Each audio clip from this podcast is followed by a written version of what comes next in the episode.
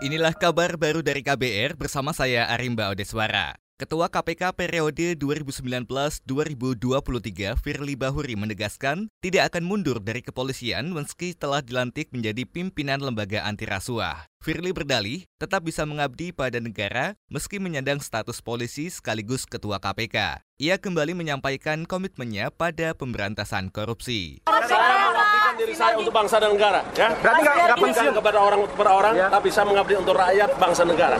Ketua KPK Firly Bahuri berjanji memperbaiki kinerja KPK selama lima tahun ke depan. Firly bakal mengevaluasi kebijakan yang perlu perbaikan maupun penguatan agar kinerja KPK lebih optimal.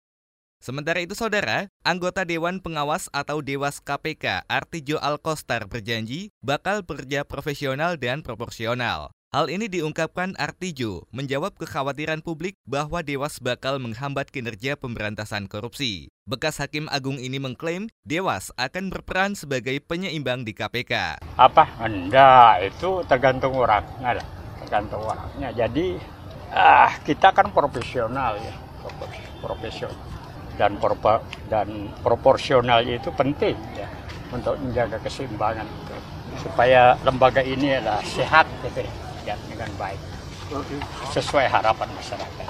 Itu tadi anggota Dewas KPK Artijo Alkostar. Sementara itu, peneliti LIPI Syamsuddin Haris mengungkap alasannya menerima jabatan anggota Dewas KPK. Syamsuddin ingin memperkuat lembaga anti rasuah dan mendorong pemerintahan yang bersih. Ia tak mempermasalahkan kritikan publik terhadap keberadaan Dewas. Menurutnya, Jokowi menyusun formula terbaik untuk Dewas sesuai komitmen terhadap pemberantasan korupsi.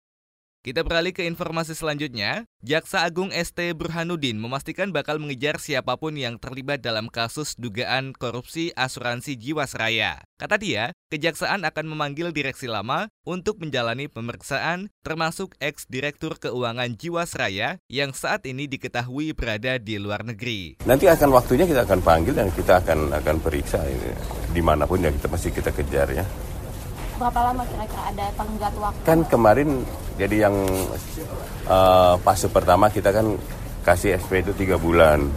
Berikutnya kita akan pertimbangkan sejauh mana penanganannya. Siapa tahu dalam tiga bulan ini sudah selesai. Ya. Jadi nanti ini karena mau Natal nih tahun baru tuh action lagi pasti. Ya. Itu tadi Jaksa Agung ST Burhanuddin. Seperti diberitakan sebelumnya, kejaksaan memulai proses penyidikan setelah mengendus ada tindak pidana korupsi di Jiwasraya. Kejaksaan menemukan potensi kerugian negara lebih dari 13 triliun rupiah. Kerugian ini akibat manajemen lama Jiwasraya tidak berhati-hati dalam mengelola investasi. Kondisi defisit keuangan menyebabkan Jiwasraya menunggak pembayaran klaim 5,5 juta nasabah senilai 12 triliun rupiah lebih. Kita beralih ke berita selanjutnya. Satgas Anti Mafia Pangan memantau harga dan pasokan bahan pokok di Solo, Jawa Tengah menjelang Natal dan Tahun Baru. Selengkapnya bersama kontributor KBR Yuda Setiawan. Satgas Anti Mafia Pangan di Solo menilai lonjakan harga berbagai komoditas bahan pangan pokok di Solo saat menjelang Natal dan Tahun Baru ini masih wajar. Juru bicara Satgas tersebut Iwan Saktiadi mengatakan tim terus melakukan pengawasan di lapangan memantau harga dan pasokan bahan pangan pokok.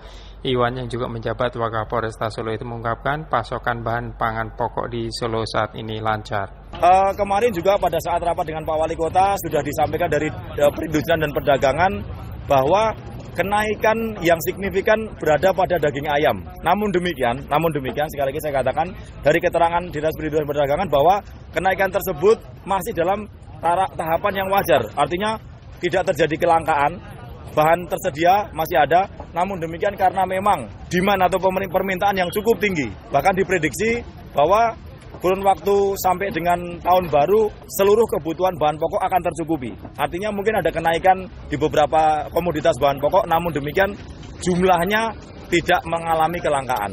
Harga komoditas pangan di Solo saat ini yang mengalami kenaikan antara lain berada di kisaran 5% hingga 30%. Dari Solo, Jawa Tengah, Yuda Satriawan, KBR. Demikian kabar baru dari KBR, saya Arimba Odeswara.